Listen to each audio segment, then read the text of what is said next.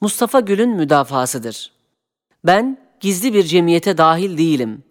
Zaten Üstadım Bediüzzaman Said Nursi Hazretleri de öyle bir cemiyet kurmamıştır. Bizlere her zaman Kur'an hakikatlerinden ders vermiş, siyasetle alakadar olmamızı şiddetle men etmiştir. Yalnız Büyük Üstad Said Nursi Hazretleri'nin talebesiyim.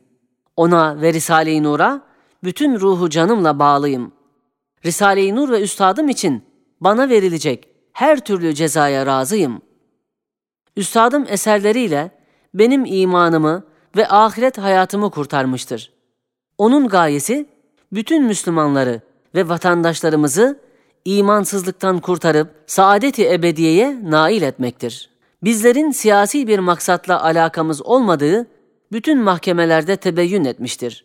Hakikat böyle olduğu halde yine haksız ve yersiz olarak mahkemeye sürüklendik.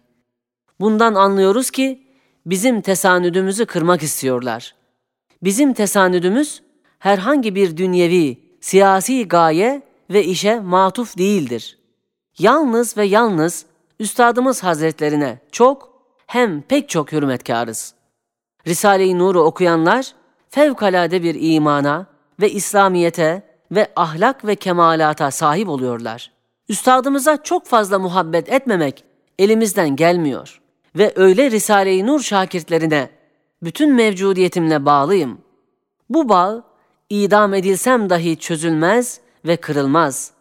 Ben ve bütün kardeşlerim masumuz. Risale-i Nur'un serbest bırakılmasını bütün kuvvetimizle talep ediyoruz. Yüce Üstadımıza ve masum nurcu kardeşlerime kendimle beraber beraat verilmesini talep ediyorum.